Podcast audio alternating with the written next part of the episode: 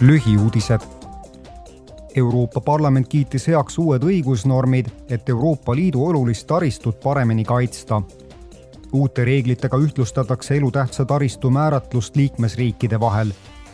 siia kuulub üksteist olulist valdkonda, sealhulgas digitaristu, vesi, toit ja tervishoid uute reeglite kohaselt peavad liikmesriigid vastu võtma ka riiklikud vastupanuvõime strateegiad ning määrama piiriülese suhtluse hõlbustamiseks igasse liikmesriiki keskse kontaktpunkti.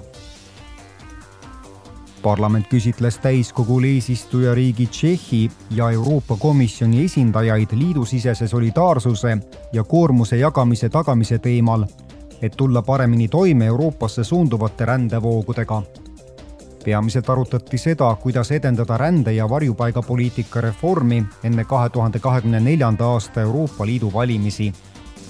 komisjoni asepresident Margaritis Šinas ütles järgmist. We cannot continue working me ei saa jätkata kriiside käsitlemist üksikjuhtumitena.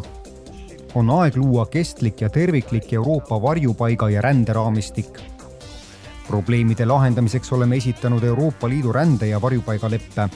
see on lepe, mis parandab meie liikmesriikide suutlikkust rännet paremini hallata, lähtudes Euroopa Liidu õigusest ja ühenduse meetodist. on a system based on EU law and the community method. Euroopa Komisjon tegi kaks aastat tagasi ettepaneku rände- ja varjupaigapakti sõlmimiseks, et parandada varjupaigamenetlusi ning tagada solidaarsus ja vastutuse õiglane jagamine liikmesriikide vahel parlamendi täiskogu otsustas kümneks aastaks pikendada liidu reegleid liikmesriikide territoriaalvetes kalastamise kohta.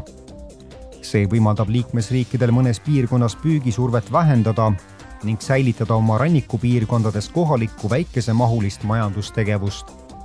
nüüd tuleb kaluritel Euroopa Liidu reeglite raames kohalikud kokkulepped sõlmida